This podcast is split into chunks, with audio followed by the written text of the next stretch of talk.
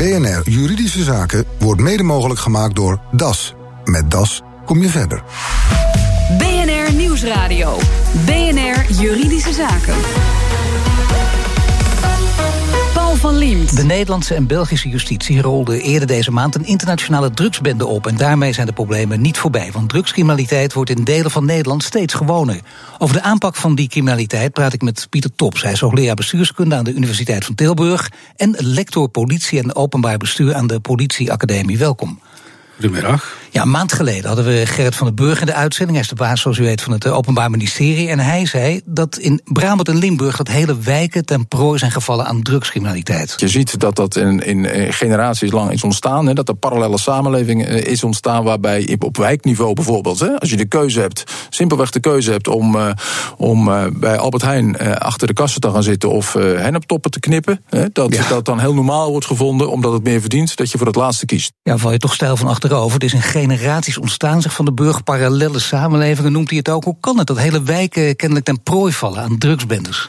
Ja, nou ja, daarvoor moet je toch een beetje terug in de geschiedenis. Ik heb een van die wijken heb ik eens um, nou helemaal goed uitgeplozen en bestudeerd. En wat je ziet is dat. Um, kijk, het ging om wijken waar mensen een marginale positie hadden. En waar ze goed in waren, dat was overleven in de marge van de samenleving.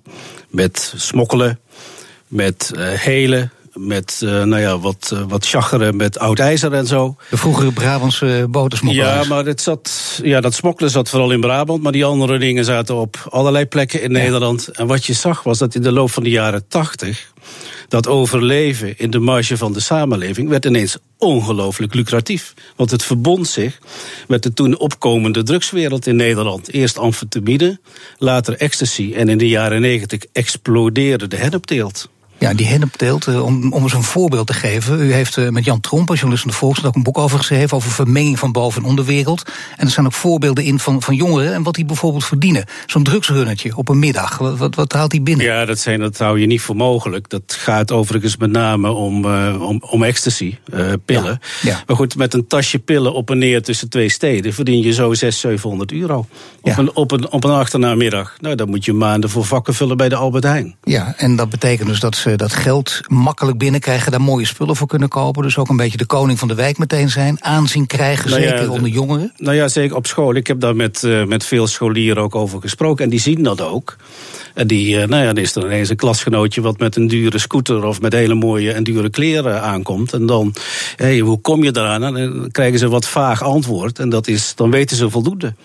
Ja, dus dan weten is... ze voldoende, maar dan, dan horen ze thuis niks van zeggen als ze die verhalen vertellen. Nee, toch liever, nee, nee, liever wegkijken dan je daarin mengen. Ja, dat is wel een punt. Hè, van je kijkt toch uh, weg, je weet het ook niet zeker. En als je het al zou weten, bij wie moet je terecht als je, als je het zou willen melden? Mag ik u toch even op de man afvragen, want u weet het allemaal wel. U kunt het meteen zien met uw argusoog en uw kennis van zaken. Als u het ziet en hoort, zegt u er wat van?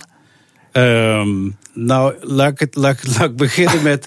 dit is een wereld waarin je het in een aantal gevallen ook helemaal niet zo makkelijk ziet. Um, U zegt er dus niks van, uh, merk ik. Nou ja, nee, ik ben niet in de situatie dat ik dat kan doen. Dus ik ben in dat opzicht gewoon een normale burger. Um, ik ben geen held, zal ik maar zeggen. Maar daar gaat het nou net om, hè? want u zegt het zelf ook. Je bent juist wel een held als je iets ziet en dat meldt. Dan ben je een held, dan ben je geen klikspaan. Dat is nou net een hele campagne ja, die ervoor ja. bedoeld is. Maar ja. u geeft zelf niet het goede voorbeeld. Nou ja, oké. Okay. Tops, kom op zeg. Punt voor u. Nou, het gaat niet om een punt voor mij, maar het is, uh, je ziet dus hoe, hoe, lastig het is. Daar gaat het eigenlijk om. Ja, hè, dat je... Precies, dat is het punt. Het is ja. lastig. Um, je weet ook niet zeker wat ermee gebeurt. Um, je hebt te maken met mensen nou ja, die ook niet terugdeinzen voor bepaalde consequenties en bepaalde repercussies. Dus het is een grijs gebied.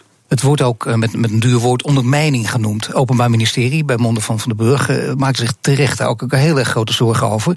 En proberen dus ook een oplossing te, te, creëren. Bijvoorbeeld een ondermijningswet. Daar komt het kabinet mee. Kunt u er iets over vertellen? Of, wat het is en of het zoden aan de dijk zet? Nou ja, um, dat moeten we nog maar eens even afwachten.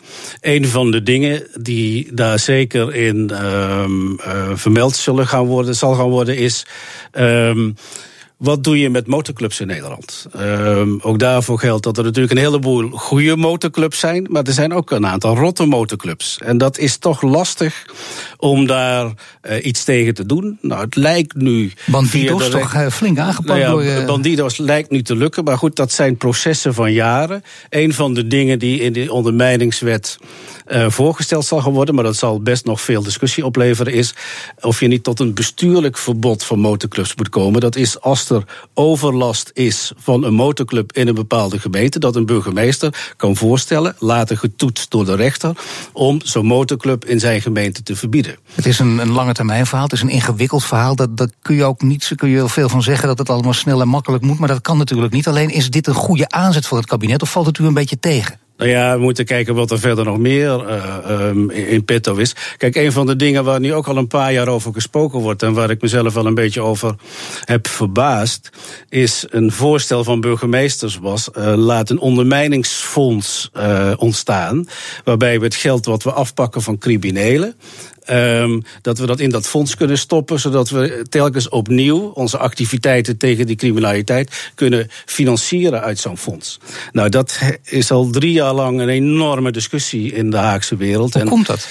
Ja, omdat er, nou ja, ik verwege twee dingen. Omdat het technisch altijd ingewikkeld is. En je kunt altijd technische bezwaren uh, uh, verzinnen.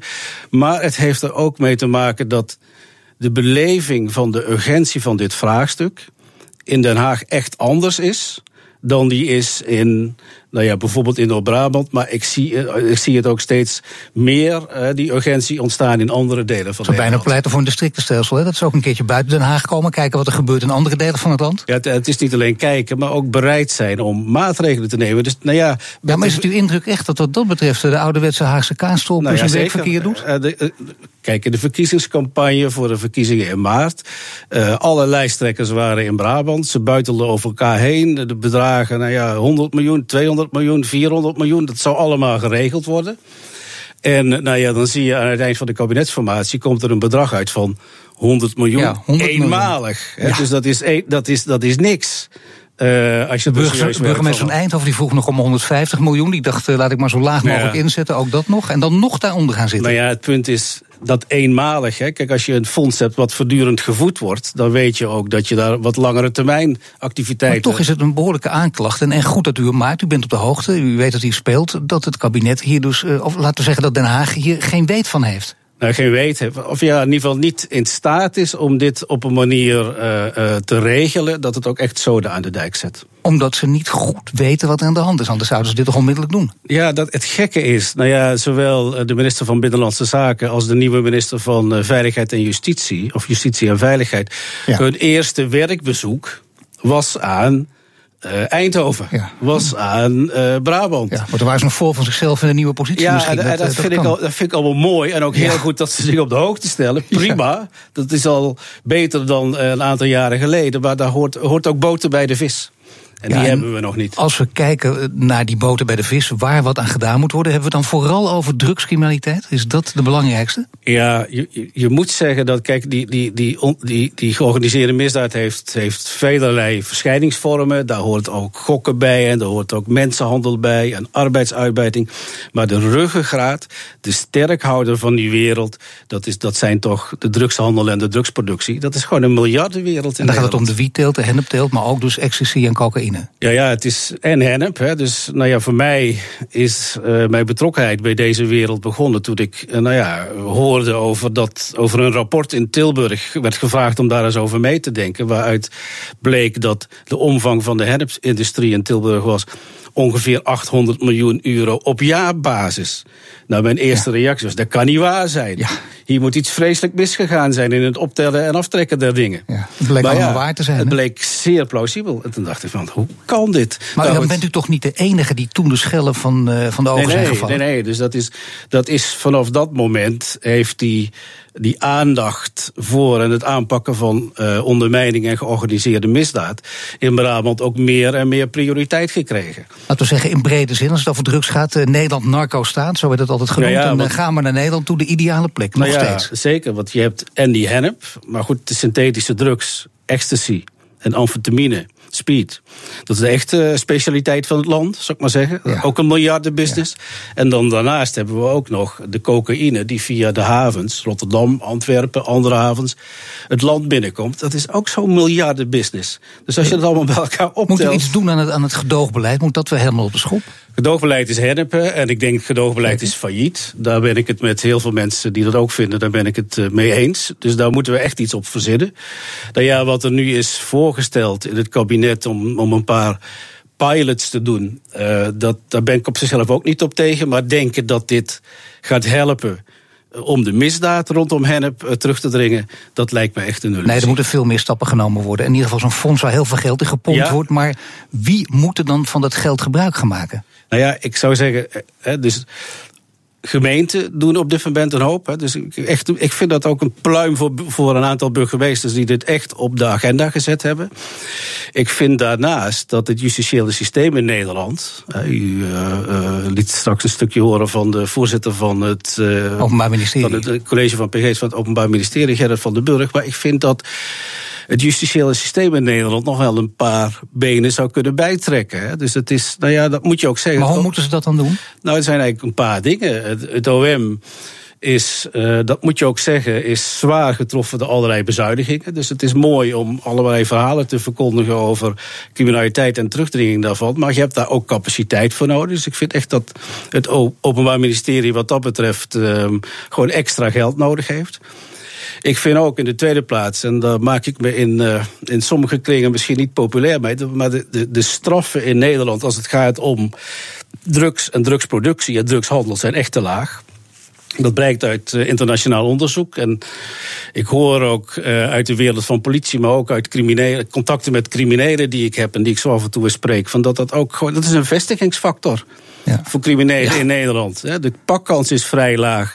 En als je gepakt wordt, zijn de straffen aan de lage kant. Ik praat zo verder met Pieter Tops, een man die zich niet graag populair wil maken. De aanpak van ondermijnende criminaliteit die hapert ook, zegt hij, door te weinig mensen bij politie, bij het OM en ook bij de rechtspraak. BNR Nieuwsradio. BNR Juridische Zaken.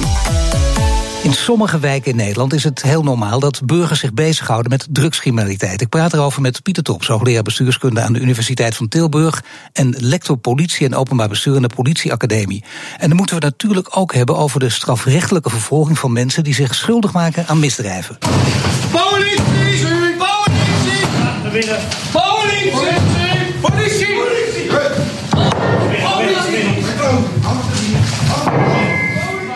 Meneer Tops, geen film, hè? Is echt zo'n politieinval. Ja. Dat klinkt behoorlijk indrukwekkend. Uh, blijkbaar toch niet genoeg afschrikwekkend genoeg?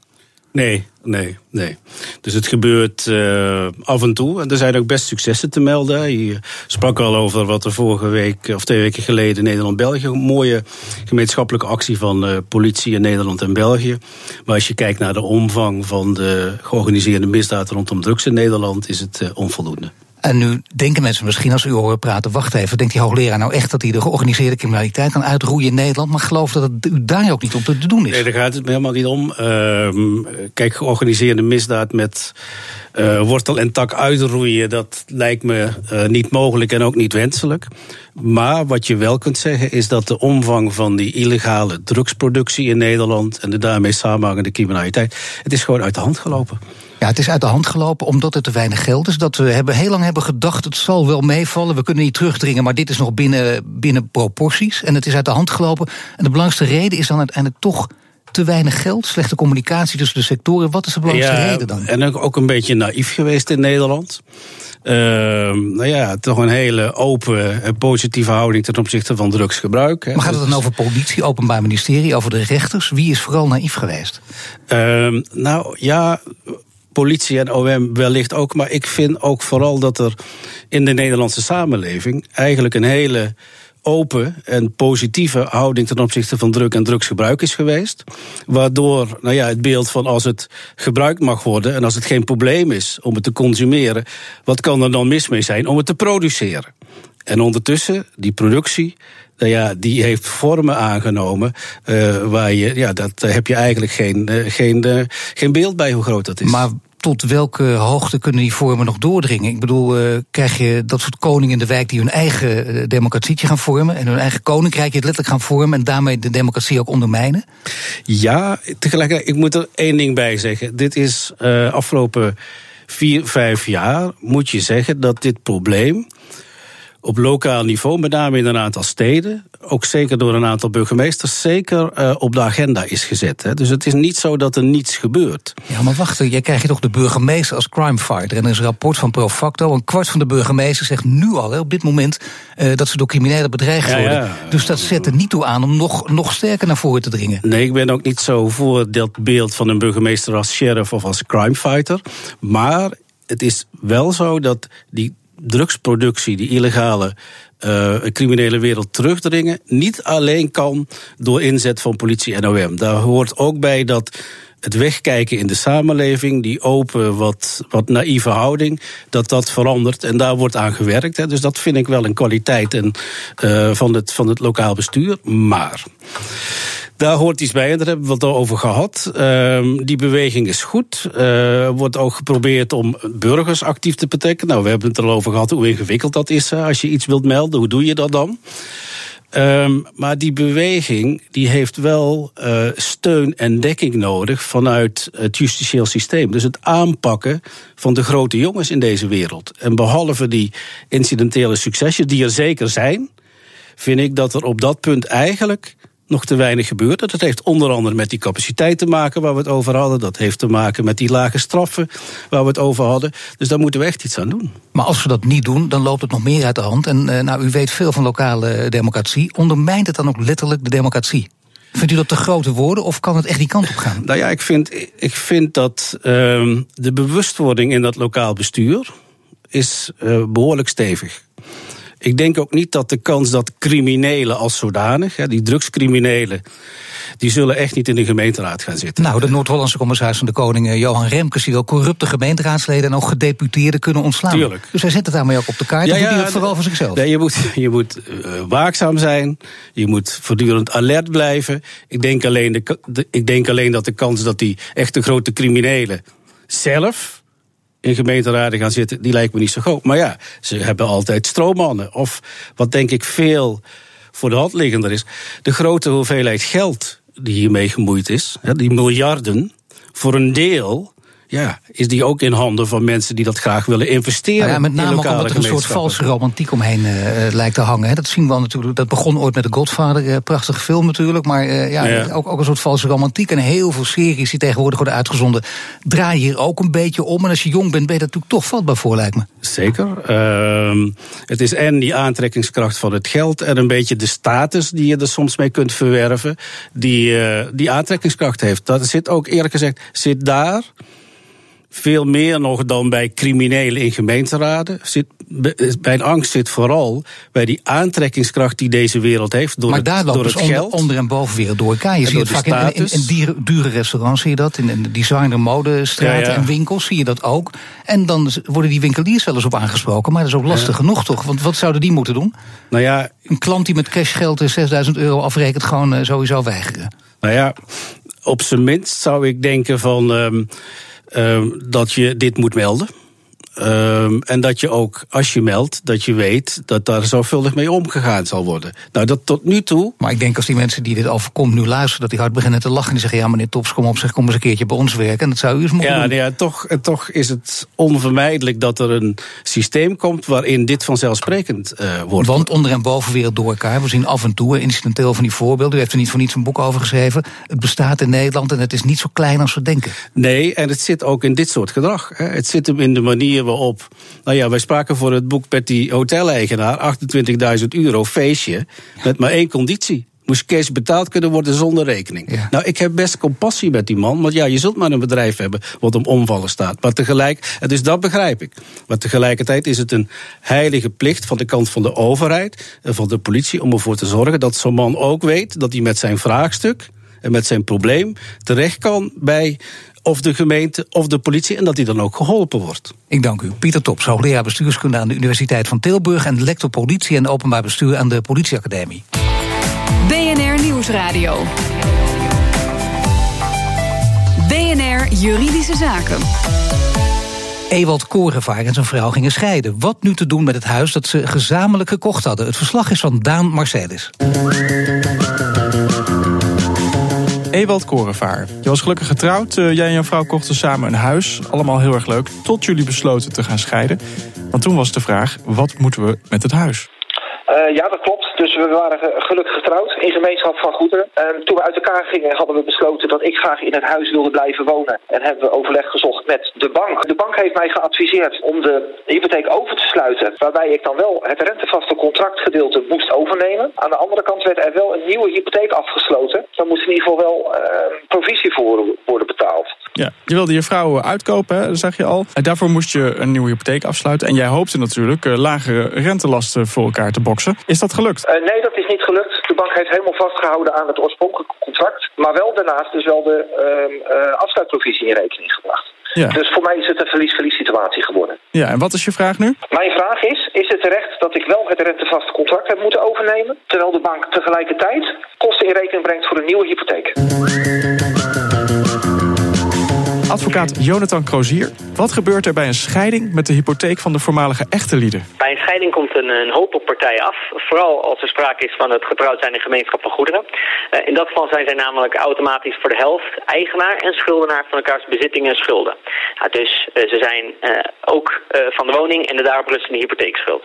Nou, partijen zijn daarmee hoofdelijk verbonden aan de bestaande hypotheek. Partners die samen een hypotheekschuld zijn aangegaan, daarvoor ook beide volledig aansprakelijk zijn. En hoe komen dus, ze er dan vanaf? Bij een scheiding heb je eigenlijk in zijn algemeenheid twee opties. Uh, de eerste is dat uh, partijen voor kiezen om de woning te verkopen en uh, de eventuele overwaarde of onderwaarde gezamenlijk te delen.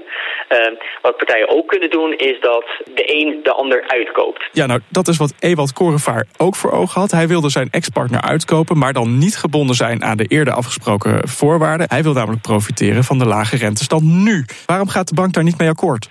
Kijk, als je een hypotheek afsluit, dan zet je over het algemeen de rente voor een, een, een bepaalde periode vast. Um, uh, de bank krijgt dan zekerheid dat er gedurende die renteperiode uh, bepaalde inkomsten uh, zullen binnenkomen. Um, en deze, deze renteperiode die partijen zijn overeengekomen, die eindigt niet vroegtijdig door het simpelweg aangaan van nieuwe leningsovereenkomst. Jij zegt eigenlijk afspraak is afspraak. Kan Ewald Korenvaar er toch niet onderuit? Je kan natuurlijk wel onder, onder voorwaarden van zo'n leningsovereenkomst, want je kan hem natuurlijk vroegtijdig aflossen. En dat kan je doen door bijvoorbeeld een, een, een hypotheek of een lening af te sluiten bij een andere bank. Alleen het, het punt daarbij wel is dat in de meeste uh, hypotheekactes en leningsovereenkomsten een boeteclausule is opgenomen. Dat op het moment dat jij vroegtijdig uh, volledig aflost, dan zul je ook nog een, een boeterente moeten betalen. Is er iets dat je kan aanraden aan mensen die in scheiding liggen en die in gemeenschap van goederen zijn getrouwd en ook dus samen een, een huis bezitten? Uh, ja, ik denk als, als algemeen advies uh, voor de mensen in, in soortgelijke situaties is het altijd verstandig om toch één of twee hypotheekadviseurs te benaderen die niet jouw hypotheekverstrekker zijn. Kijk, de, jouw huidige hypotheekverstrekker die wil natuurlijk uh, gewoon de lening aan jou slijten. en wellicht zijn er goedkopere opties. en dat, daar kan een hypotheekadviseur natuurlijk het, het fijne van, van, van weten. En dat de bank Ewald Korenvaar kosten in rekening bracht... vindt advocaat Jonathan Koosier van Van Til Advocaten niet vreemd. Korenvaar had hypotheekadvies ingewonnen... en feitelijk een nieuwe hypotheek afgesloten. Heeft u ook een juridische vraag? Mail hem naar juridischezaken.bnr.nl. En dit was de uitzending voor vandaag. U kunt de show terugluisteren via bnr.nl slash juridische zaken. Mijn naam is Paul van Liemt. Tot de volgende zitting. BNR Juridische Zaken wordt mede mogelijk gemaakt door DAS. Met DAS kom je verder.